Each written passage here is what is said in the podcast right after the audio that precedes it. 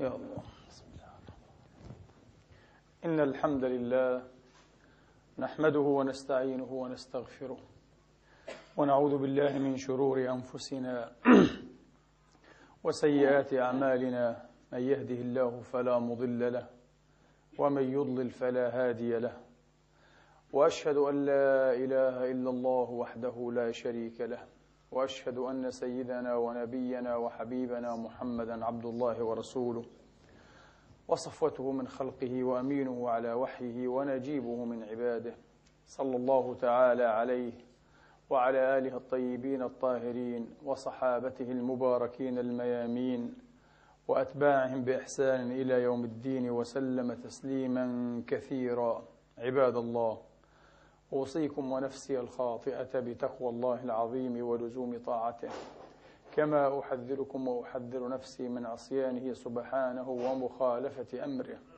لقوله سبحانه وتعالى من قائل من عمل صالحا فلنفسه ومن أساء فعليها وما ربك بظلام للعبيد. ثم أما بعد أيها الإخوة المسلمون الأحباب أيتها الأخوات المسلمات الفاضلات يقول الله سبحانه وتعالى في كتابه العظيم بعد أن أعوذ بالله من الشيطان الرجيم. بسم الله الرحمن الرحيم. الذين يبلغون رسالات الله ويخشونه ولا يخشون أحدا ولا يخشون أحدا إلا الله وكفى بالله حسيبا ما كان محمد أبا أحد من رجالكم ولكن رسول الله وخاتم النبيين. وكان الله بكل شيء عليما. يا أيها الذين آمنوا اذكروا الله ذكرا كثيرا وسبحوه بكرة وأصيلا. هو الذي يصلي عليكم وملائكته ليخرجكم ليخرجكم من الظلمات إلى النور. وكان بالمؤمنين رحيما. تحيتهم يوم يلقونه سلام. وأعد لهم أجرا كريما. يا أيها النبي إنا جعلناك شاهدا. إنا أرسلناك شاهدا ومبشرا ونذيرا. وداعيا إلى الله بإذنه وسراجا منيرا. وبشر المؤمنين بأن لهم فضلا كبيرا. ولا تطع الكافرين والمنافقين ودع أذاهم ودع أذاهم وتوكل على الله وكفى بالله وكيلا. صدق الله العظيم وبلغ رسوله الكريم ونحن على ذلك من الشاهدين. اللهم اجعلنا من شهداء الحق القائمين بالقسط. آمين. اللهم آمين. إخواني وأخواتي. تحتفل الأمة في هذه الأيام المباركات التي جمع الله فيها سبحانه وتعالى بركة ذكرى ميلاد سيد الكائنات وشرف الموجودات إلى بركة ما أجرى على يد أبناء وبنات هذه الأمة من مجد الحرية والتخلص من نير الظلم والاستعباد والطغيان. إنه عرس الأمة أيها الإخوة. لم تشهد الأمة من عقود وعقود أعراسا وأفراحا بهيجة ومجيدة وكريمة كالتي تشهدها في هذه الأيام المباركات بفضل الله ومنه. وإني لعلى يقين أن رسول الله صلى الله عليه وآله وأصحابه وسلم قد قر عينا بما أجرى الله على أيدي أمته. قر عينا وهو يرى أمته تخرج من الظلمات إلى النور. من ظلمات الاستعباد والإضطهاد والقهر والاستذلال أيها الإخوة إلى أنوار الحرية والتخلص والاستقلال. والحبل كما يقال الآن على الجرار. ثورة هنا وثورة هناك وثالثة هنالك. ونسأل الله تبارك وتعالى ألا يتم الله هذا الحول إلا وقد تحرر العرب والمسلمون من هؤلاء الطغاة الصغار الذين استعبدوهم بغير وجه من الحق أيها الإخوة. اليمن تشتعل ليبيا متفجرة البحرين. سنتحدث عن بعض هذه الشؤون في الخطبة الثانية إن شاء الله لكن جدير بنا أن نقف الخطبة الأولى على ذكر مولانا وحبيبنا رسول الله صلى الله عليه وآله وأصحابه وسلم. لا شيء يعدلها ولا شيء يسبقها. فبعد الله له الفضل فيما نحن فيه. هو الذي أخرج هذه الأمة. هذه أمة لا تموت أيها الإخوة. قد تتقاعس قد تنقص قد تكع مرة قد تستنيم إلى الدعة والخذلان مرات لكنها لا تبيد ولا تفنى ولا تموت. لأن فيها روح محمد صلى الله عليه وآله وأصحابه وسلم وفيها هدي محمد فيها نور محمد وكتاب محمد. ومحمد أيها الإخوة بروحه بينها. حاضر لا يغيب. لسنا نعلم حليته فقط. لسنا نعلم حلية شخصه بل نعلم روح شخصيته. والآن أيها الإخوة جاء الموعد. جاء موعد الابتلاء والاختبار والامتحان ليختبر كل منا. من الرجال والنساء أيها الإخوة كل منا كم فيه من روح محمد؟ كم هو وفي لمحمد عليه الصلاة وأفضل السلام؟ بعض الناس يعترض ويقول عن أي ثورة تتحدث يا مولانا؟ عن ثورة شباب بعضهم لا يصلي ولا يصوم. لكنه مسلم يا سيدي لكنه مسلم وأنا متأكد وأنا على منبر رسول الله. هو أحسن فقها في الإسلام منك ومن أمثالك. من السلبيين المثبطين المعترضين الأنانيين الذين لا يعرفون أن يدوروا إلا حول أنفسهم الحقيرة حول ذوات حقيرة حول مكسبه وإنجازاته وإبداعاته. أما ما يخص الأمة بل ما يعم الأمة في شؤوناتها المختلفة فهو لا شأن له به. ولذلك يبدأ يتندر ويتراقع ويتساخف. على هؤلاء الثوار الأبطال الأحرار الذين فنوا في أمتهم أيها الإخوة. فنوا في أهلهم فنوا في دينهم في رسالتهم وربما دون أن يدروا لكن هذه حقيقتهم النبيلة جسدتها ثورتهم المجيدة. جسدتها ثورتهم المجيدة أيها الإخوة. هل ينسى أمثال هؤلاء المثبطين أن أعظم الجهاد كلمة حق عند سلطان جائر؟ لقد أتى هؤلاء بما هو أبعد من الكلمات. الكلمات لنا ولأمثالنا للمنعمين المترفين الذين لا يحسنون إلا الكلام وبعضنا حتى الكلام لا يحسنه. يبلع لسانه أيها الإخوة. يبدأ يقول يا رب استر يا رب استر.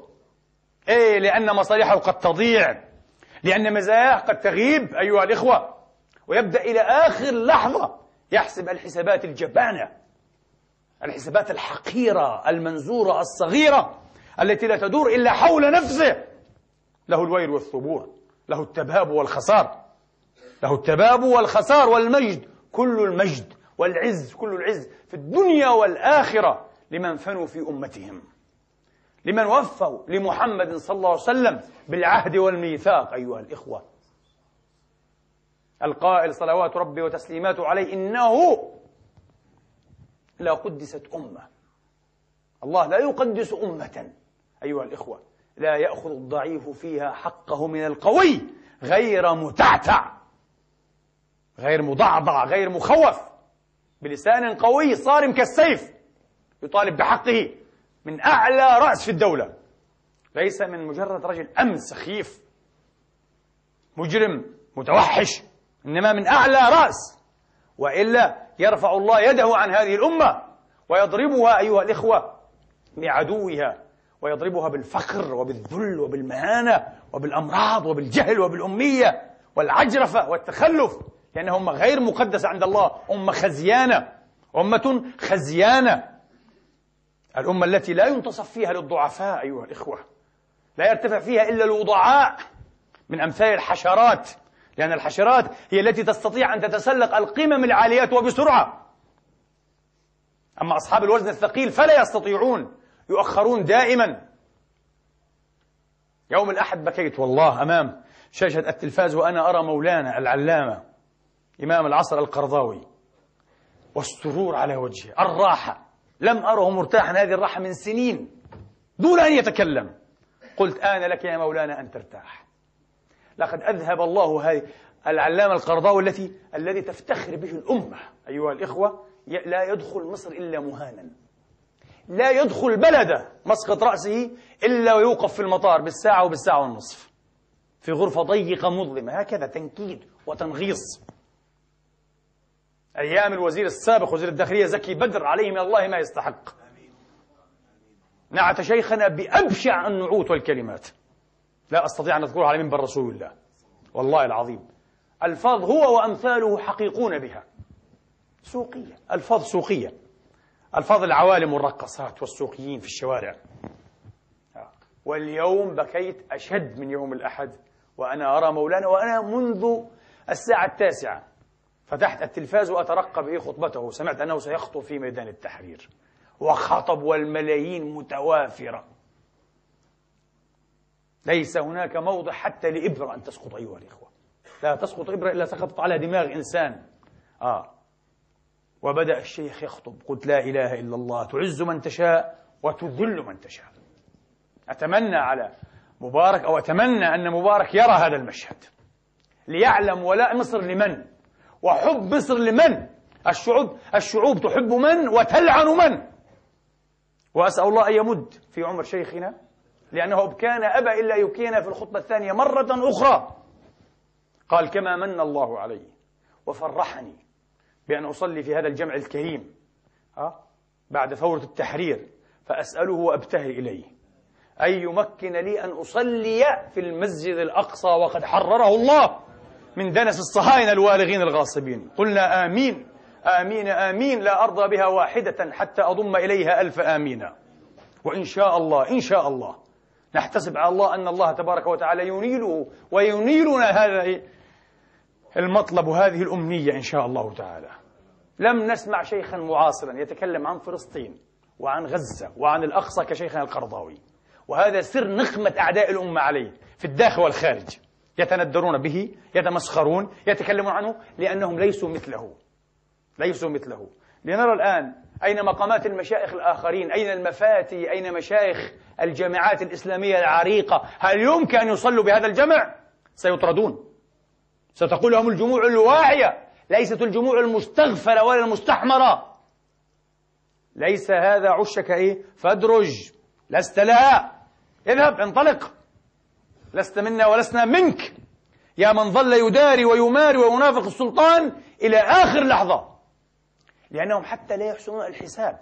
لو أحسنوا الحساب أيها الإخوة لحدثوا بخط التاريخ. خط التاريخ أيها الإخوة الذي تخطه يد القدرة هذه الأيام بفضل الله تبارك وتعالى مع الشعوب مع إرادة الشعوب. لقد استفاقت هذه الشعوب. بقية الطغاة إلى الآن لا يستطيعون أن يروا الشعوب كما لم يرهم من قبل طاغية مصر. لأن الشعوب أيها الإخوة أيضا وهي الملومة لم تر نفسها. لم تقف على رجليها. استحالت إلى ديدان وإلى حشرات وخشاش الأرض. ومشى الطاغية الطاغية أيها الإخوة وهو يرى نفسه أعلى من السماك الأعلى أعلى من الجوزاء. فهو لا يرى هذه الديدان. ويوم استفقت أمامه لم يرها لأنه لم يتعود أن يراها. لكنها فرضت نفسها. فرضت نفسها. وقفت على قدميها أيها الإخوة. بدأت الآن تأخذ حجمها. هذا حجم الشعب. الشعب الذي يقرر الشعب الذي يطلب. ونعود إلى مولانا رسول الله صلى الله عليه وآله وأصحابه وسلم. للأسف يفور سؤال في هذه الأيام حتى على ألسنة جماعة من أهل العلم الذين نجل ونحترم. للأسف لا أدري ما السبب. واجهت هذا السؤال الآن غير مرة في ظرف شهر واحد. هل هناك أدلة قطعية على نبوة محمد؟ شيء عجيب. هل تريد دليلا أكثر قطعية وأدخل في باب الإلزام. من هذه الثورات؟ هؤلاء أبناء محمد. رحمة الله على شوق القائل أخوك عيسى دعا ميتا فقام له وأنت أحييت أجيالا من العدم. نحن نبت محمد. نحن ثمار محمد. والسيد الجليل عيسى بن مريم عليه السلام يقول في إنجيله من ثمارهم تعرفونهم. نحن ثمار محمد.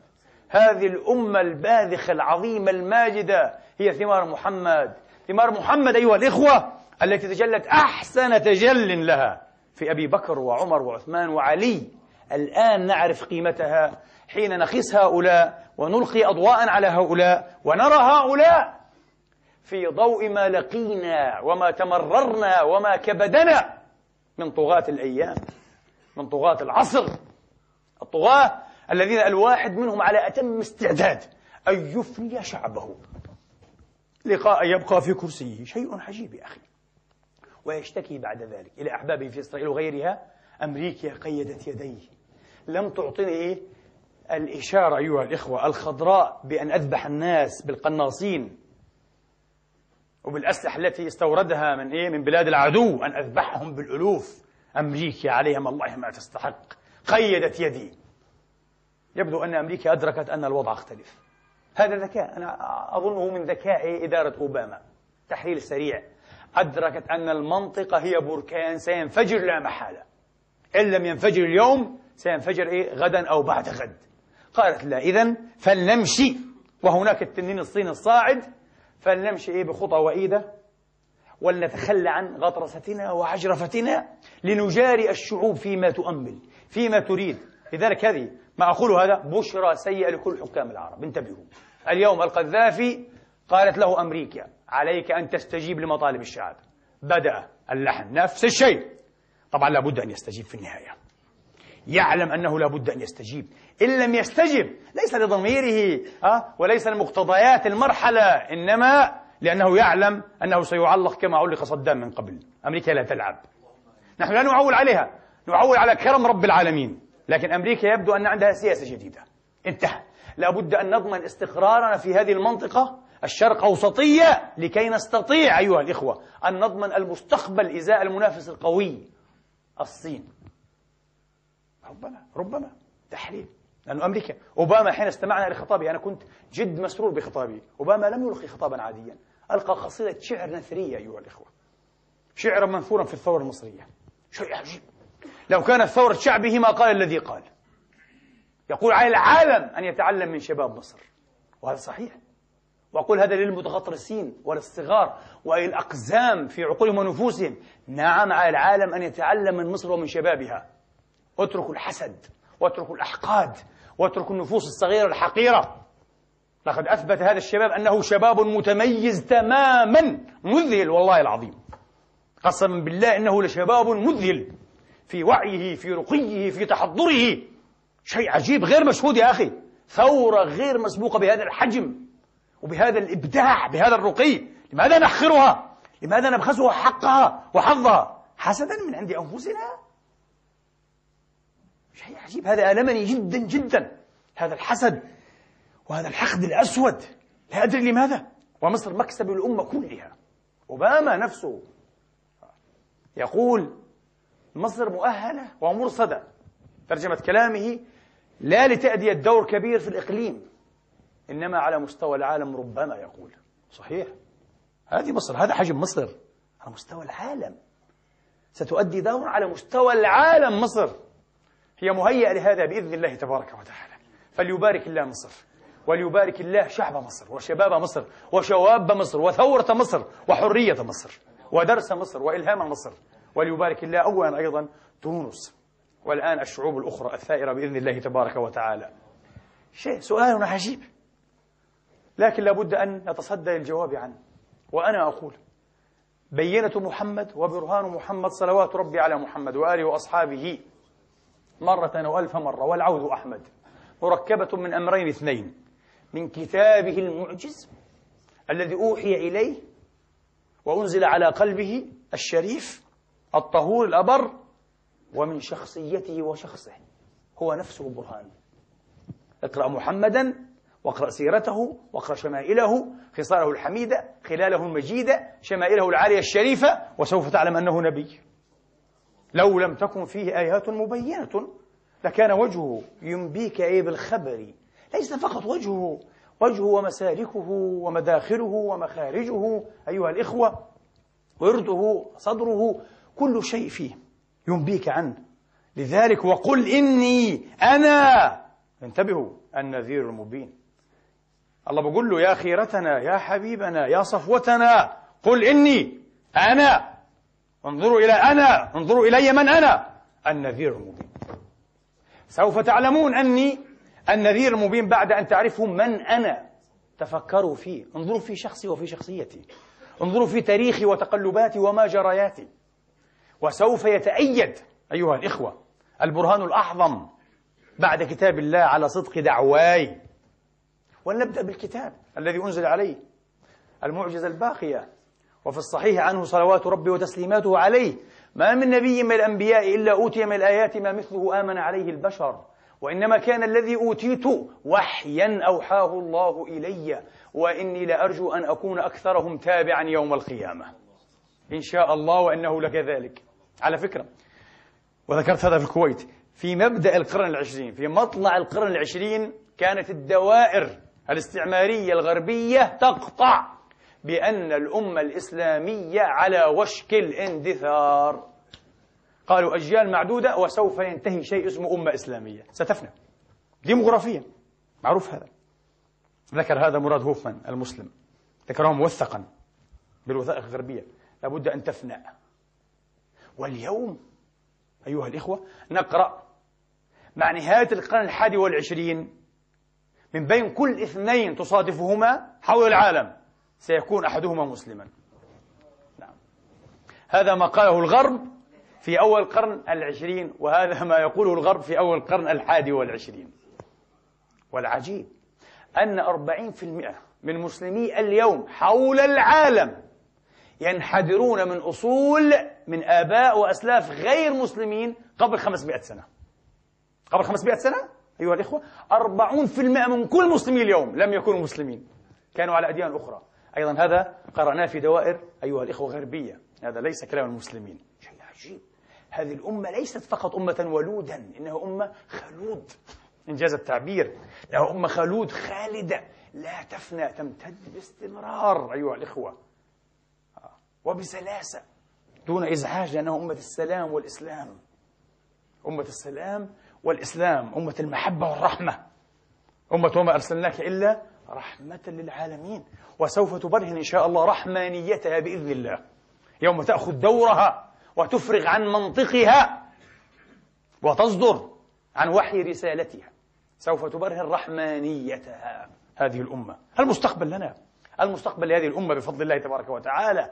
من أراد أن يسير مع خط التاريخ هذا هو خط التاريخ لمن كان يفقه. ما هو التاريخ؟ وكيف يسير التاريخ؟ ليس أولئكم العميان أيها الإخوة الذين لا يرون حتى مواطئ أقدامهم. والله لا يرون التاريخ خمسة أيام إلى الأمام. شيء عجيب. أنا متأكد أكثر هؤلاء البل آه الآن يحثون التراب على رؤوسهم يقولون يا ويلنا ويا خسارنا لو أننا حدثنا بهذا المصير لغيرنا من خطابنا لرفعتنا الثورة اليوم لكنكم عمي وبله طبعا مستحيل النظام المباركي أن يتسلح وأن يتترسم إلا بأمثالكم من البل. لم يتترسم بواحد عبقري واحد. آه. بأمثال هؤلاء البل آه. يتسلح. نظام أبلة وشخصيات بلهاء والعياذ بالله. الآن جاءت مرحلة مختلفة جاءت مرحلة مختلفة. ونعود إلى الكتاب إنه المعجزة الباقية. بها سيكون رسول الله أكثر الأنبياء تابعا يوم القيامة بإذن الله تعالى. أعظم أمة. أمة كثيرة مباركة كما في التوراة. أمة كثيرة مباركة. مكتوب هكذا. كثيرة مباركة. أمة محمد بإذن الله تبارك وتعالى. نعم. بالقرآن الكريم. القرآن معجز في بلاغته وفصاحته وبيانه. معجز في تشريعه. أربع آيات في الميراث يستل منها علم كامل في منتهى الدقة والإبهار. أربع آيات. خمس آيات في التشريع الجنائي يبنى عليها أيها الإخوة هيكل تشريع متكامل محير. خمس آيات فقط. إيش هذا؟ إيش الإعجاز هذا؟ كتاب؟ ليذهب أي واحد منا أكبر عبقري يكتب إيه؟ خمس جمل ولا حتى خمسين جملة ليستل منها علم. مستحيل. ولا شيء كلام فارغ. وسترد عليه أو يرد معظمها عليه. لكن هذا كتاب عجيب. معجز في إخباره بالغيوب. أيها الإخوة سأذكركم فقط بما تعرفون وبما تستحضرون دوما لكن لابد أن يقال للمترددين وللمتعلمين. ما معنى قوله تبارك وتعالى قل يا أيها الذين هادوا إن زعمتم أنكم أولياء لله من دون الناس فتمنوا الموت ولا يتمنونه أبدا بما قدمت أيديهم. والله عليم بالظالمين. ولا يتمنونه أبدا. أحقد الناس على الرسالة وصاحبها. كانوا هم يهود المدينة. لماذا لم يتمنوا؟ لكي يبرهنوا كذب الرسول والرسالة. ولا سنتمنى. لم يفعلوا. لم يثبت أن حبرا واحدا منهم قال أنا سأستجيب للتحدي يا محمد. لأنه يعلم صدق محمد. وصدق كتاب محمد. صدق الوحي النازل على قلب محمد الأبر. وقد قال النبي المحمد صلوات ربي وتسليمته عليه وآله وأصحابه وأتباعه أجمعين والذي نفسي بيده لو تمنوه لماتوا من ساعتهم جميعا. وهم يعلمون هذا. أليس هذا إعجازا؟ هذا إعجاز. يعرفه اليهود يعرفه المسلمون. ما معنى أن تنزل سورة المسد؟ تبت يدا أبي لهب وتب. بعدين سيصلى نارا ذات لهب. القرآن يقول هذا كافر رديء ردي وسيموت كافرا. وسيصلى نارا تتلهب. نارا تتلهب. قد كان أبو سعد يقول أشهد أن لا إله إلا الله وأنك يا محمد ابن أخي محمد أه؟ وأنك يا محمد ابن أخي رسول الله وهكذا ينقض البناء من أساسه أليس كذلك؟ لم يفعل لأنه لا يستطيع لأن الله قلوب العباد بين أصبعين ونواصيهم كلهم جميعا بيده وهو الذي أنزل هذا الكلام والله العظيم لو كان هذا الكلام من تأليف محمد وترتيبه لقالها أبو لهب. قال لا يكذب عليكم. أنتم مستغفلون. إيه أنا أشهد.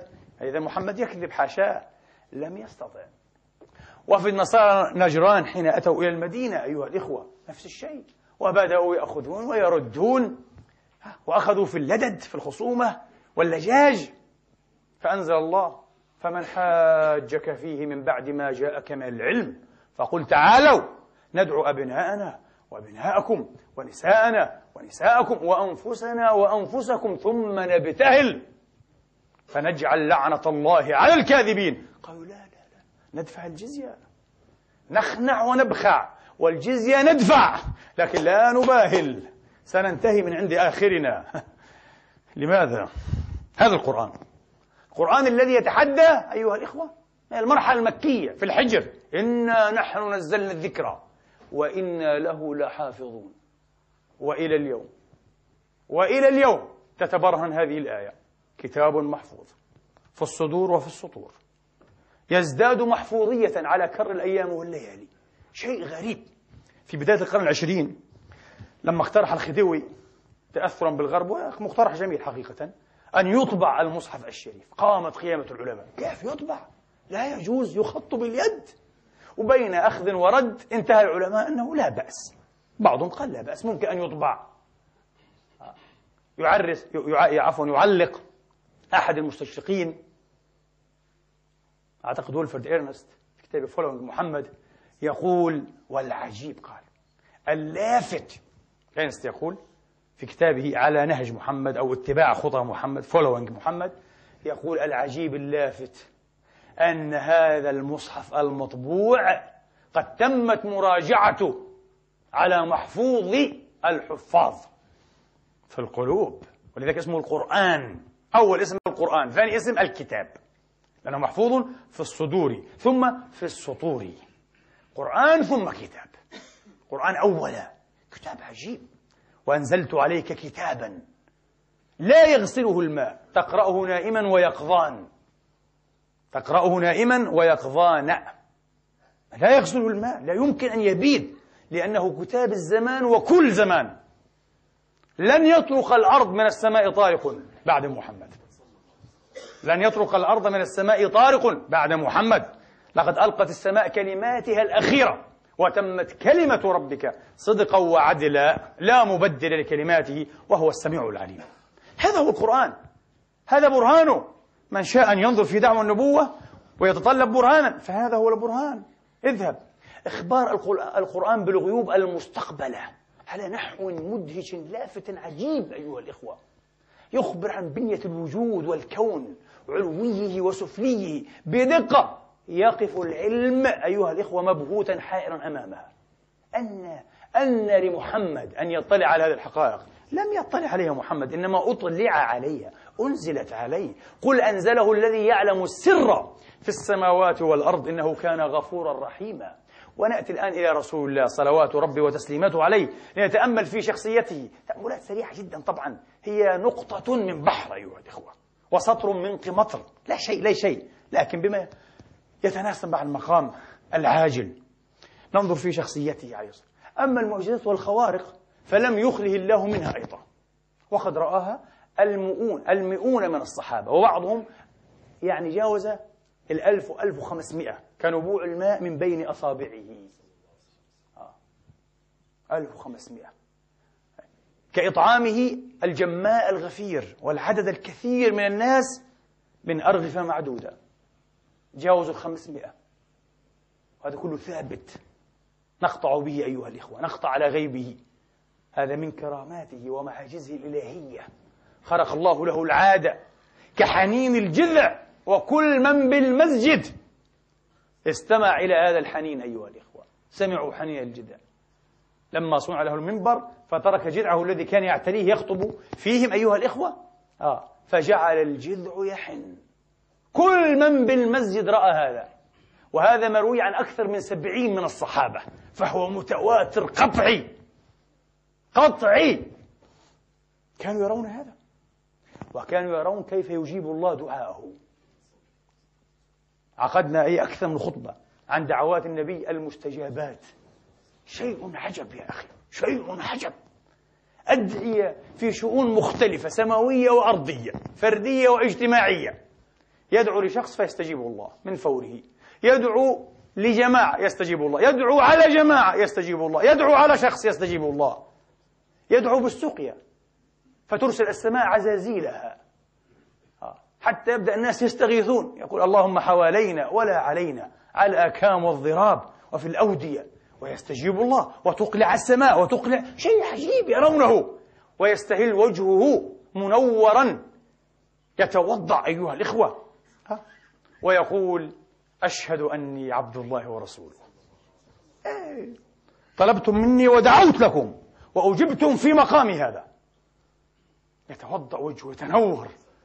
صلوات ربي اللهم احشرنا في زمرته. وشفعه فينا يا رب. وأقر عينه بنا. وبأمتك جمعاء.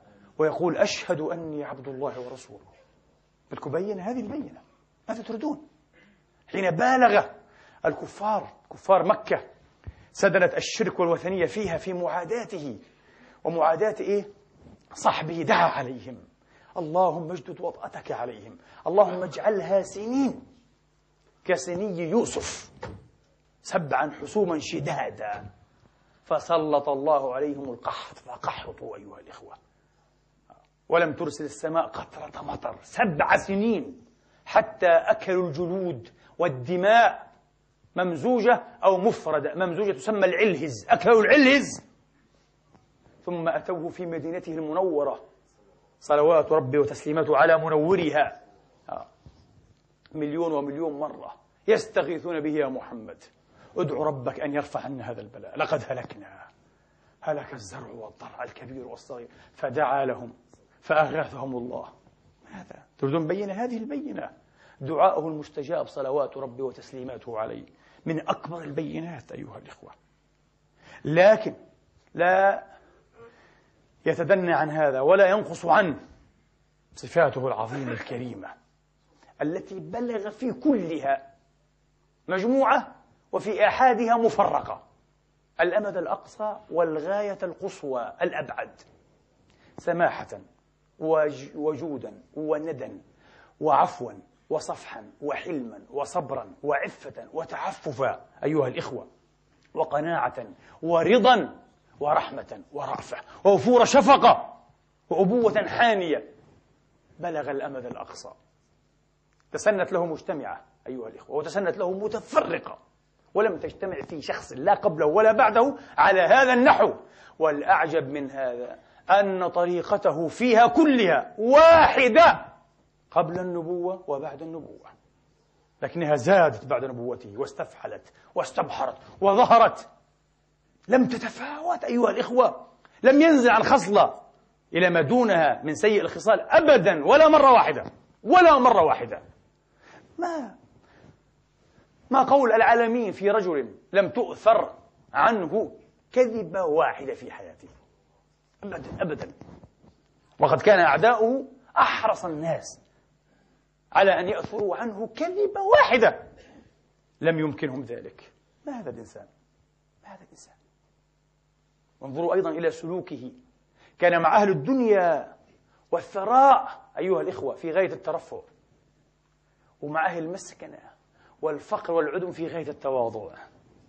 واصبر نفسك مع الذين يدعون ربهم بالغداة والعشي يريدون وجهه. ولا تعد عيناك عنهم. تريد زينة الحياة الدنيا مع أهل الدنيا والتمول والإثراء في غاية الترفع مع أهل المسكنة والعدم والفقر في غاية التواضع. من مثل هذا الإنسان العظيم يا أخواني؟ من مثله؟ من يجاريه؟ من يشابهه؟ من يدانيه؟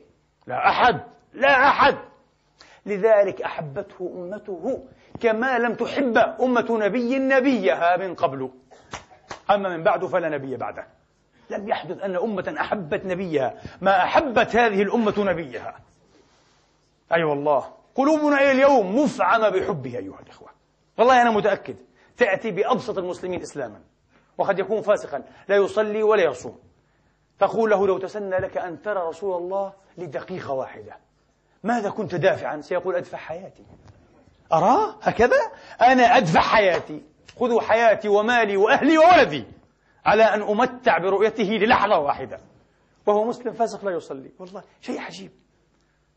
أحببناه من كل قلوبنا صلوات ربي. وهذا برهان أيضا على صدق نبوته. ما جعل الله له في الأفئدة الصادقة.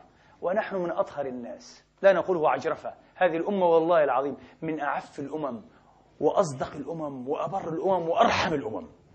أمة عظيمة. قارنوا تاريخها بتاريخ الآخرين. قارنوا مذابحها ومجازرها. كم جزرت وكم ذبحت في الآخرين. لم تكد تفعل شيئا كهذا في تاريخها. وانظروا ماذا فعل الآخرون بنا. ولا يزالون.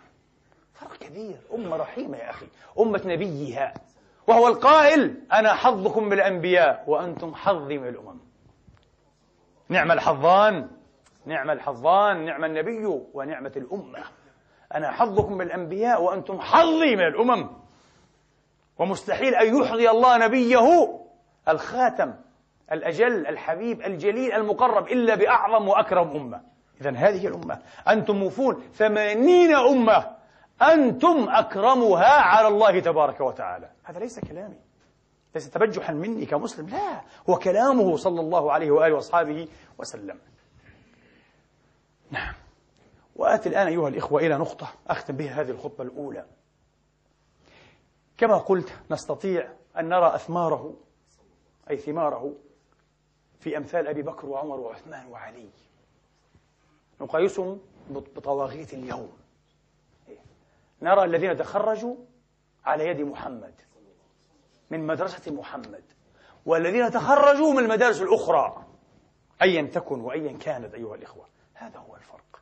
لكن كيف رباهم؟ بالله كيف رباهم محمد هذه التربية؟ هذا شيء مدهش ومحير. كان من دعاء الخليل إبراهيم عليه السلام ربنا وابعث فيهم رسولا منهم. يتلو عليهم آياتك ويعلمهم الكتاب والحكمة ويزكيهم. فاستجاب الله لكن على نحو مختلف. مع تقديم وتأخير له دلالة وأي دلالة.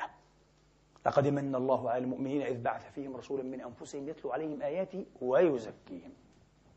التزكية قبل التعليم قبل تعليم الكتاب والحكمة. ديننا ليس محفوظات. ليس حافظا لكتاب الله وسنة رسوله هذا الولي. لا لا لا. أن تكون زاكيا. ثم بعد ذلك تأخذ بحظك من الكتاب والسنة والعلم والكلام. الزكاة هذه طريقة محمد المتفردة. مكث في مكة. ثلاث عشرة سنة يزكي النفوس أيها الإخوة. هو مسيره كله مسير تزكية. لكن أراد أن يدعم البناء بإرساء الأسس الذاهبة في أرض النفس أيها الإخوة. يروي الإمام أحمد. والإمام الحاكم وصححه وابن حبان والطبراني والبيهقي في الشعب وغيرهم عن شداد ابن أوس رضي الله تعالى عنهم وأرضاهم أجمعين. صحابة ومحدثين وقد بكى. الراوي رأى شدادا يبكي. يريد أن نعرف ما الذي أبكي هذا الصحابي الجليل. فقال له ما الذي يبكيك؟ فقال يبكيني. شيء سمعته من رسول الله. صلى الله عليه وآله وسلم قاله. مرة قال شيئا وأنا أتذكره وأبكي. يبكي. قال عليه الصلاة وأفضل السلام إني لأتخوف على أمتي. الشرك والشهوة الخفية. النبي كان هذا يقلقه جدا. الشرك والشهوة الخفية. قال فقلت يا رسول الله أتشرك أمتك من بعدك؟ فقال إنهم ليسوا يعبدون شمسا ولا قمرا ولا حجرا ولا وثنا ولكن يراؤون الناس بأعمالهم. قال هذا الشرك. يصلي من أجل الناس يصوم من أجل الناس يتصدق من أجل الناس يتكلم يعلم يتعلم من أجل ليس من أجل الله. قال هذا هذا قال. هذا الذي أبكى شدادا وأمر آخر. قلت فما الشهوة الخفية يا رسول الله؟ أنت تتخوف على الأمة الشرك. فهمنا الشرك الرياء ليس شرك الوثنية لعبادة الأحجار والأصنام والأجرام إنما شرك الرياء والعياذ بالله. فما, فما الشهوة الخفية؟ اسمعوا الآن. شيء عجب يا أخي. هذه التربية المحمدية. قال الشهوة الخفية أن يصبح أحدهم أحد أفراد وأحد أمتي يعني أن يصبح أحدهم صائما المقصود تطوعا. كما قال الشراح. طبعا ليس في الفريضة. حتى السياق أن يصبح أحدهم. واضح أنه يتحدث عن صوم تطوع. أن يصبح أحدهم صائما فتعرض له شهوة من شهوات نفسه. فيدع صومه ويواقع شهوته. وهذا الذي أصاب الأمة. أصبحت أمة ضعيفة رخوة. ضعفت رقابتها الذاتية. انضباطها الذاتي ضعف. سألت إخواني قبل أيام قلت لهم ما الذي يجمع بين رجل له غدرات زوجية خيانات زوجية وبين رجل يركب في درجة درجة رجال الأعمال في الطائرة ال business class هذا ويتناول أربع وجبات في أربع ساعات. أنا رأيت هذا بعيني وتقززت. أنا تناولت نصف وجبة لا أريد. متاح. ماذا أفعل به لماذا؟ وجدت الناس حولي كل نصف ساعة يطلبون. ويأكلون ويشربون يأكلون ويشربون يأكلون ويشربون. باستمرار أجانب وعرب من واحد من النمسا كان هنا نمساوي أجنبي. أربع ساعات أكل شرب مستمر. وجرس جرس. ما الذي يجمع بين هذا وبين هذا؟ وبين طاغية يبطش بأمته. وبين رجل تبطره النعمة. ما أطيبه فقيرا. ما أبطره وأكفره غنيا. لما اغتنى بطر وطلق زوجته وترك مسجده. ورسالته في الحياة وبدأ ما شاء الله وربما التحق بالفسق المنحلين من الناس. ما الذي يجمع؟ ما الذي يجمع بين رجل أيها الإخوة تترك له منزلك في العطلة الصيفية فلا يترك شيئا إلا فتشه؟ فتش كل شيء في منزلك مخابرات. وأنت اتمنته وأكرمته بأن إيه؟ يخطو العطلة في بيتك الجميل. ما الذي يجمع بين هذا وهذا وهذا وهذا؟ نموذج واحد أيها الإخوة. هناك نموذج واحد. النحاء والذواء. الرقابة الذاتية الوازع الرحمن في نفس الإنسان.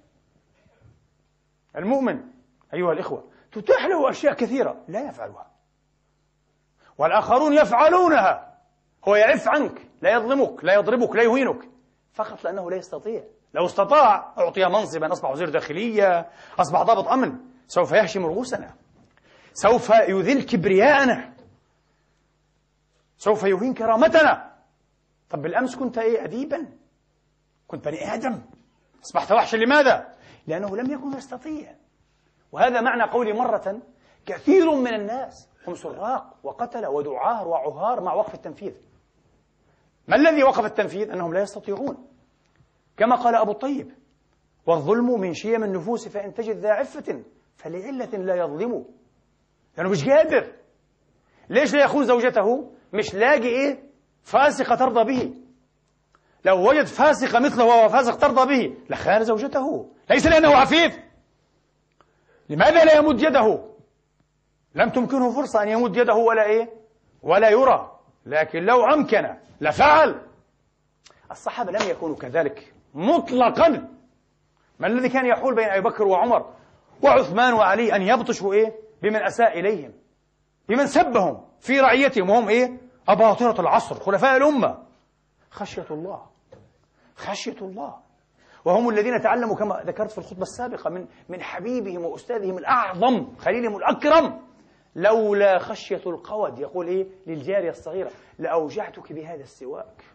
لكن يعلم وهو خير عباد الله أن الله لن يجعل له ضمانة أن يقتاد وأن يقتص منه. لأن الله ليس رب محمد وحده. الله رب العالمين. مسلمين وكافرين. الله لا يرضى بالظلم. لا في حق مسلم ولا في حق كافر. فكيف في حق بريء؟ ما في واحد عنده عصمة ولا رسول الله. لو ظلم أحدا لاقتص منه يوم القيامة. هو الذي يقول هذا. الصحابة تعلموا هذا. اليوم نسمع أيها الإخوة في ليبيا. قتل عشرات الناس بالأمس. عشرات الناس. في مدينة البيضاء وغيرها وجدابيا. يقال في جدابيا 35 واحد. مجزرة. ليس بأيدي الأمن الليبي. بأيدي المرتزقة.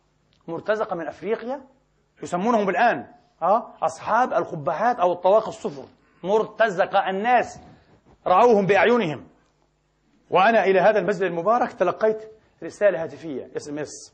يقول لي الأخ الذي أرسلها قال لي بفضل الله قبضوا عليهم في مدينة البيضاء. ها قبضوا على هؤلاء جماعة منهم المرتزقة. ها؟ بعضهم من دولة عربية وبعضهم إيه؟ من دول أفريقية أخرى أيها الإخوة. ومن أعلى سلطة جاء التفاوض. لقاء كل واحد تسلموه لنا تسلمونه لنا. 88 ألف يورو. بس سلموه. وشيوخ البيضة شيوخ السن يعني شيوخ القبائل رفضوا ذلك قال لن نسلمهم. حتكون فضيحة بشجاعة إن شاء الله على الجزيرة وكل الجزيرة. تقتل شعبك بالمرتزقة. تأتي بمرتزق. تعرفوا لماذا؟ لأنه مدينة البيضة بفضل الله تبارك وتعالى. الأمن الأمن الليبي. لأنه هو أمن في الأخير مسكين. ما هو مضطهد وهو مستذل وهو مكره على أمره. مستحيل أنه منعم. المنعمون طبقة مخملية فوق فقط فوق. كبار الضباط والألوية والجن إذا في جنرالات وفي ألوية ما بعرف. إيه. لكن من دون ذلك كل مقهور مداس بالسرماية القديمة أكرمكم الله وأكرمكم جميعا وجمعوات. فالأمن انضم إلى الناس وأعطاهم الأسلحة قال ادفعوا عن أنفسكم. آه. فعاد هؤلاء المرتزقة الأفريقان وغيرهم والآن يحاصرون مدينة البيضاء من الخارج والمدينة من الداخل محررة بالكامل بفضل الله تبارك وتعالى. حررتها الثورة الليبية إن شاء الله. إن شاء الله. نشهد نصرا قريبا في ليبيا بإذن الله تبارك وتعالى. اللهم أمين. بحق لا إله إلا الله محمد رسول الله في هذه الساعة المباركة. إيه. 88 ألف يورو. وسلمونا قال ما بنسلمش. لا نسلم. تقتل أهلك تقتل شعبك. من أجل ماذا؟ يا أخي أربعون سنة أنت في الحكم كفاية. أربعون سنة يا رجل. لا نستطيع أن نعد الرؤساء الأمريكان الذين جاءوا وذهبوا في أربعين سنة. مستحيل. من الصعب جدا أن نستحضرهم كلهم. يأتي ويذهب يأتي ويذهب يأتي وهذا قاعد هذا قاعد. شيء شيء لا يصدق يا أخي. الآن كما قال لي أحد إخواني المصريين الآن قال أنا أمشي وأرفع رأسي. أنا عربي أنا مصري. صح. وأنا قلت والله العظيم ما فعله شعبان الكريمان في تونس وفي مصر وما تفعله الآن سائر الشعوب الحرة بإذن الله تبارك وتعالى. هذا بضربة واحدة أحرز مكسبين عظيمين. المكسب الأول إن شاء الله ستنتهي الصورة النمطية للعربي البدوي المتخلف الجاري وراء الجمال والإبل في الصحراء البوال على عقبيه. اللي ما بسواش فرنك مصدي. لا. العربي كائن متحضر يعيش العصر يطلب أقصى ما إيه يتمناه الإنسان في هذا العصر. ديمقراطية وحرية وكرامة ومشاركة ومساواة وعدالة. هذا العربي. والمكسب الثاني العظيم ستنتهي خرافة الإسلاموفوبيا والتخويف بالإسلام والإسلام دين إرهاب بعد مصر ولا واحد يقول لي إيه المسلم إرهابي. انتهى. أكثر إنسان مسالم وسلمي في العالم. المسلم والعربي إيش رأيكم؟ نعم. ثورة مصر والله العظيم أثبتت هذا. ثورة مصر أثبتت هذا. أعظم بشر على وجه الأرض يسالمون ويحبون السلم هم المسلمون. والعرب منهم بفضل الله. سواء كانوا مسلمين أو نصارى فهم مسلمون ثقافة وحضارة. أبناء حضارتنا يعتزون بها أيها ونعتز بهم وبانتمائهم إلى هذه الحضارة. انتهت خرافة العرب المتخلف وخرافة المسلم الإرهابي وسوف ترون هذا حتى في الخطاب الغربي طبعا لما أوباما يقول العالم يتعلم شباب مصر إيه معناها؟ يتعلم الإرهابيين؟ مستحيل يتعلم المتخلفين؟ مستحيل ها مصر مرصدة لأداء دور على مستوى العالم ربما يقول ليه؟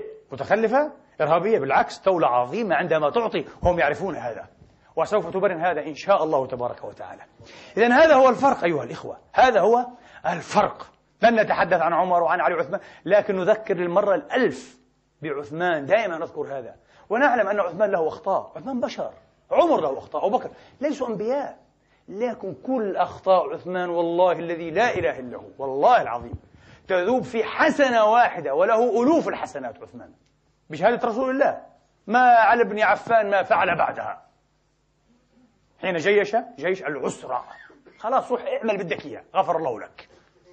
لكن أنا أعتقد من أعظم حسنات عثمان رضوان الله تعالى عليه. آئباؤه. أعظم الحسنات إباء عثمان أن تسفك محجن الدم مسلم من الخوارج الذين خرجوا عليه وعلى طاعته وعلى سلطته الشرعية وتهددوا وفعلوا بالقتل أيها الإخوة. رفض أن تسفك محجن الدم منهم من هؤلاء الخوارج الظلمة الثائرين بالباطل. بسببه هو. قال لا أنا أموت هم يموتوش. الله أكبر يا أخي. وين هذا؟ الدرس المعاكس تماما لدرس مبارك والقذافي وكل طواغيت العرب اليوم. المعاكس تماما. شفنا خالد بن الوليد. كم معركة. دائما ينتصر ودائما إيه؟ مظفر. معزز بتأييد من الله تبارك وتعالى. يفصله عمر بكتاب هيك ويقوم بالعملية إيه؟ بلال ابن رباح. ويبخى. عادي ما في مشكلة. لن أتمرد لن أرفع سيفي لن أخرج على خليفة الزمان الخليفة الشرعي عمر. لأنني ما عملت ولا أعمل إلا لله. وقد وقع أجري إيه؟ على الله. إيش الشخصيات العظيمة. تلاميذ محمد يا إخواني. لكن انظروا بالمقابل من أين أتينا ومن أين تؤتى الأمة؟ من خروجي على هذا إيه؟ الخط الراشد في التربية المحمدية المصطفوية المطهرة. أذكركم بحديث عياض بن حمار المجاشعي في صحيح مسلم. حديث عجيب وجميل. وعياض بن حمار أيها الإخوة صحابي من قدماء الصحابة أسلم قديما ومعدود في البصريين في الطبقات على كل. يقول عياض قال عليه الصلاة وأفضل السلام. بالحقيقة وقال سمعت رسول الله وسمع هذا من رسول الله. آه. أذنا لفم أذنا لفم. سمعت يقول أهل الجنة ثلاثة. طبعا بعد قيل سيقول وأهل النار خمسة. من هم أهل الجنة؟ اللهم اجعلنا منهم. من هم أهل النار؟ اللهم جنبنا مصيرهم ومآلهم. أهل الجنة ثلاثة. ذو سلطان مقسط. متصدق موفق. أول واحد. تعرفون لماذا؟ لأنه صاحب سلطان. ويستطيع بفضل سلطانه وقوته أن يسطو بالضعفاء لكنه لا يفعل. هو مقسط.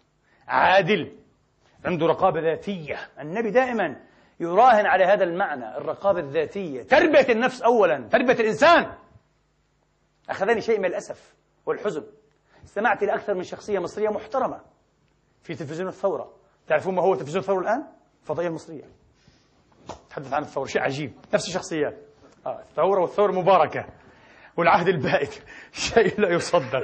الآكلون على كل الموائد. إيه. آه. أقنعة. يا أخي لا يلبس ما في بيرسونز أقنعة.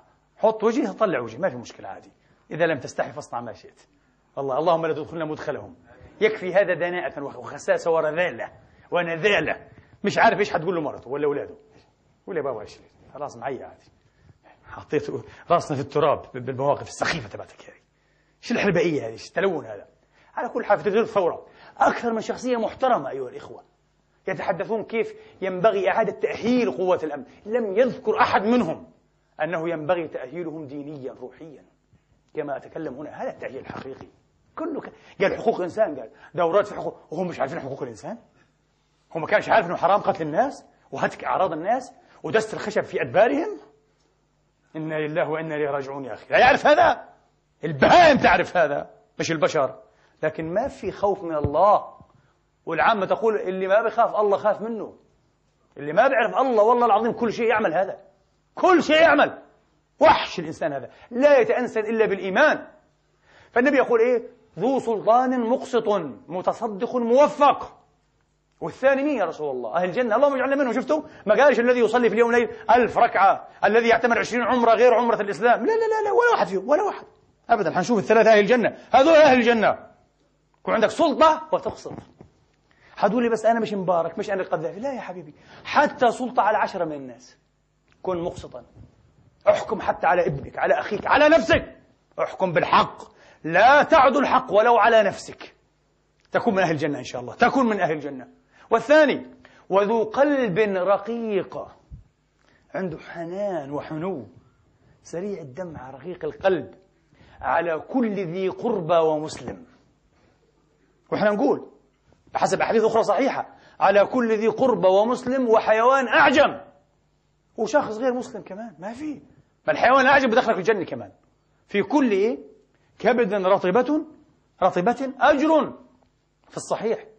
الحنان والرأفة أيها الإخوة مش القسوة مش الفظاظة مش الغلظة مش التوحش والجبروت على الناس. هذا هو طريق الجنة. والثالث وهو الشخص الأخير. وعفيف متعفف ذو عيال. عفيف متعفف. ما الفرق بين عفيف متعفف؟ عفيف في نفسه سجية طبع وملكة نفس. ملكة في نفسه هيك ومتعفف أي في الواقع العملي. حين تعرض له شهوة يعرض له طمع يتعفف. يعني بطبق نظرا وتطبيقا. سجية وسلوكا. شوف شوف البلاغة النبوية. قال عفيف متعفف. في فرق بينهما. ذو عيال. وصاحب العيال ما بيكون متعفف.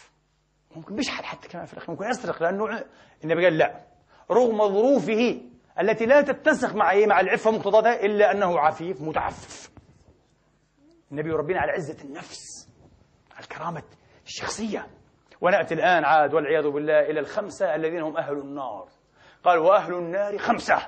وانظروا بالله عليكم وعليكم بمن بدأ. واحد. قال الضعفاء فيكم. الذين لا زبر لهم. هم فيكم تبع لا يبغون أهلا ولا مالا. شو هذا؟ قال شخص ضعيف. لا زبر له. يعني إيه لا زبر له؟ لا عقل متماسكا له. بنقول له اضرب اضرب. طخ الناس بطخ الناس. كسر الناس بكسر الناس. تبلطج على الناس بتبلطج على الناس. النبي قال هذا أول واحد من أهل جهنم. حيقول له عبد مأمور. حيقول له يا ملعون. النبي حيقول له يا ملعون لست من أمتي أنا بريء منك. ألم ينم إليك علم؟ ألم يأتك الخبر أنني جعلت في رأس قائمة الجهنميين؟ أمثالك؟ أمثالك؟ أنا جعلت أمثالك في رأس القائمة. شخص ضعيف أه؟ لا عقل لا استقلال له. قيل لا زبر له لا عقل له. قيل لا, لا تماسك له. يأتيه الأمر بنفذ. الذين هم فيكم تبع. لا يبغون أهلا. يستغني بالحرام عن الحلال ما بده يتزوج. بلوج من هنا وهنا كما قلت توانسي ها إيه. ولا مالا مش همه. همه بطنه ما عندوش طموحات حقيقية. آه. بطنه وفرجه. آه. ويلبي الأوامر أوامر أسياده. قال رقم واحد من أهل جهنم النبي قال. ما تقوليش من يوم طالع عبد مأمور الله يخليك. نكره هذه الكلمة محمد يكرهها. لا طاعة لمخلوق في معصية الخالق. لا رئيس ولا ضابط ولا قائد ولا بهمني ولا أبي ولا أمي. الله فوق الجميع وقبل الجميع يا أخي. هنا الضمير الديني كيف ينشأ؟ هذول رقم واحد يا أخواني. ورقم اثنين يا رسول الله. مين؟ قال ورجل ذو طمع. بيشبعش لا يشبع. وما عندوش قناعة ذاتية. متزوج أحسن مرة وبتطلع عمرتك وعمرتي وعمرته. مش عاجبه. الخسيس. عنده فلوس مئات الألوف. بتطلع إيش عندك وإيش عندي؟ وبفسد عليك وعلي. بخرب عليك أي مشروع. طماع. وإيش بيقدر يأخذ؟ بيأخذ. مش شبعان ولا من أي حاجة. قال رجل ذو طمع. لا يخفى له طمع وإن دق. ها؟ إلا خانه. طبعا شرح كلام معقد. لا يخفى له. إيش الفرق بينه وبين يخفى عليه؟ المهم بمعنى إنه إيه؟ بضل يفتش. كما قال الشراح عياض وغيره. بضل يفتش. وين شاف شغله بيقدر يتخونها بيتخونها بفتش وراك بفتش وراي بشوف كذا وين بيقدر يدخل؟ بيدخل. إيش بيقدر ياخذ؟ ياخذ. النبي قال من أهل جهنم. رقم اثنين يا حبيب هذا. الثالث مين يا رسول الله؟ يا معلم الناس الخير. كلام عجيب هذا يا أخي. قسما بالله أحسن ما تقرأ ألف صفحه في الاخلاق وفلسفة التربية. هذا هذا المربي العظيم. ينطق عن إيه؟ عن منطق إلهي رباني علوي. الثالث ها الثالث أيها الإخوة مين هو؟ آه. ورجل لا يصبح ولا يمسي إلا وهو يخادعك عن أهلك ومالك. يحب يفسد أهلك عليك أولادك بناتك مرتك بأي طريقة. ومالك؟ كيف يقدر يتغول أي شيء من مالك؟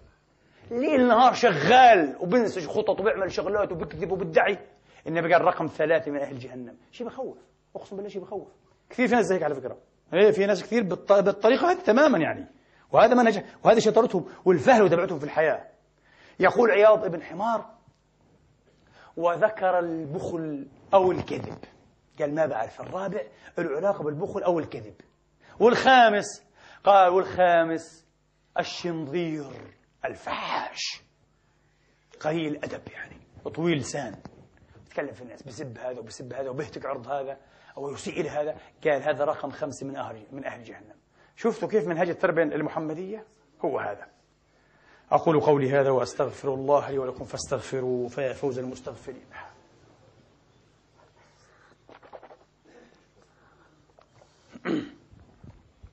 الحمد لله. الحمد لله الذي يقبل التوبة عن عباده ويعفو عن السيئات ويعلم ما تفعلون ويستجيب الذين آمنوا وعملوا الصالحات ويزيدهم من فضله والكافرون لهم عذاب شديد. وأشهد أن لا إله إلا الله وحده لا شريك له وأشهد أن محمدا عبده ورسوله صلى الله تعالى عليه وعلى آله وأصحابه وأتباعه وسلم تسليما كثيرا أما بعد إخواني وأخواتي قلت لأحد إخواني مرة آه. لماذا بعض الناس والعياذ بالله آه. إذا نزل مثلا ربما إيه فندقا معينا يقدم خدمات ساقطة هكذا سأصفها ان أقدم خدمات ساقطة يستجيب لها يطلب السقاطة وهو قبل ساعتين كان يصلي معنا. تعرفوا لماذا؟ لأنه متاح. هذا متاح. وخفية فلنفعله. أي أخلاق؟ ما هذه الأخلاق؟ ما هذا الدين؟ ما هذه الشخصية؟ ما هذه الشخصيات فعلا في منتهى السقاطة والدنو والانحطاط أيها الإخوة. هذا المنطق يفهمه الغرب هنا. أنت كمسلم أنت كمسلم لا يمكن أن تفهمه أو تفهميه لا يمكن أن تصدر عنه. نحن نختلف تماما يا إخواني. إن الذين يخشون ربهم بالغيب. النبي يحدث عن أناس من أمته أيها الإخوة يأتون بأعمال كأمثال جبال تهامة فلا ينظر الله فيها ويأمر بها فتصير هباء منثورا. الصحابة فزعوا من هم يا رسول الله؟ قال منكم منكم. يصلون كما تصلون يصومون ويأخذون وهنا من الليل. لكن كان أحدهم إذا خلا بمحارم الله انتهكها. ما فيش عنده ضابط داخلي وازع داخلي عنده رادع خارجي. هنا في أوروبا في أمريكا العالم الغربي عندهم فلسفة حياة حقيرة جدا جدا في نظري من أحقر ما يكون وهي فلسفة الأخلاق الإجرائية بسموها. آه ال process آه ethics أخلاق عملية يعني إجرائية أخلاق صيرورة. كل شيء بتبدل بتغير ما في مشكلة. لأنه هذه الحداثة الحداثة أن تغير أخلاقك وشعارك آه مع كل إشعار آخر. كل يوم ثاني تغير أنت متحدث آه. ها؟ أنت حداثي. عندهم منطق في الحياة أنه كل ممكن فهو مرغوب. يعني كل possible ها؟ desirable. كل شيء ممكن. إيه مرغوب. ليش؟ desirable. إيه موجود. ها؟ سأحكي لكم مثال وأختم هذه الخطبة حتى لا أطيل عليكم وقد فعلت. فاعذروني. ها؟ حين التقط أحد الإنجليز بجهاز متقدم جدا مكالمة بين أميرة ديانا وصديق قديم لها. وكان فيها كلام برضو إيه في غراميات وأشياء تليق بهم الأشياء السقطات مباشرة إيه قدم التسجيل لصحيفة مشهورة في بريطانيا والصحيفة مباشرة أعلنت عن عن ذلك لدينا تسجيل صوتي مؤكد للأميرة أميرة ويلز تخابر أو يخابرها صديق قديم آه. والمكالمة عشقية غرامية آه. طيب ماذا يعنينا؟ لا يعنيني هذا يعني لا أريد أن أسمعه لا علاقة لي بهذه السقطات مئات ألوف الناس أبدوا الرغبة أن يستمعوا إلى هذا. فقط لمجرد أنه ممكن. إذا ممكن الاستماع إليه يلا نعمله نستمع الشيء هذا. possible هذا. فحيصير إيه؟ مرغوب. desirable وهذه الصحيفة قالت بس في فلوس. تدفع فلوس كثير ها مش فلوس عادية. ندفع. فتحوا الخط أف ألوف الناس. قال ما ينفعش. خط ثاني وخطا ثالثا ورابعا ومئة ومئة وعشرين. مئتي خط. شعوب. تعيش حالة من الانحطاط والخواء الروحي والمعنوي. صحيح؟ إيه. نحن كمسلمين أنا أحدثكم عن نفسي وأعلم أن كثيرا من إخواني والله على هذه الخليقة. والله لا أفتح رسالة تأتي لزوجتي ولا ابني ولا ابنتي كل شيء لا, لا يخصني. هي تفتحها. لا أتهم أحدا ولا أبحث عن أحد ولا أحب من أحد أن يحدثني عن أحد. أخلاق الإسلام هذه. هذه أخلاق النبي محمد. يجب أن تفرق بين أمرين. آه. هذا البعد الثالث. أمر أريده آه. وأمر لا أريده مع أن إيه كلا الأمرين متاحان ممكنان ممكن وممكن. فقط أكرمكم الله وأكرمكم الحيوان الذي لا توجد مسافة بين ما يريد وبين ما يمكنه فعله. إذا بده إياه موجود مباشرة يقفز عليه. الإنسان عنده بعد بسموه فلسفة أخلاق اسمه البعد الثالث. شيء ممكن بشتهيه ممكن مدفوع إليه بالغريزة بالحس الغليظ فيه بأدميتي وممكن أعمله ولكن لا مسوغ شرعيا له. لا مسوغ أي أخلاقيا وضمائريا له. إذا لن أفعله. إذا أنا إنسان. أنا الآن إنسان.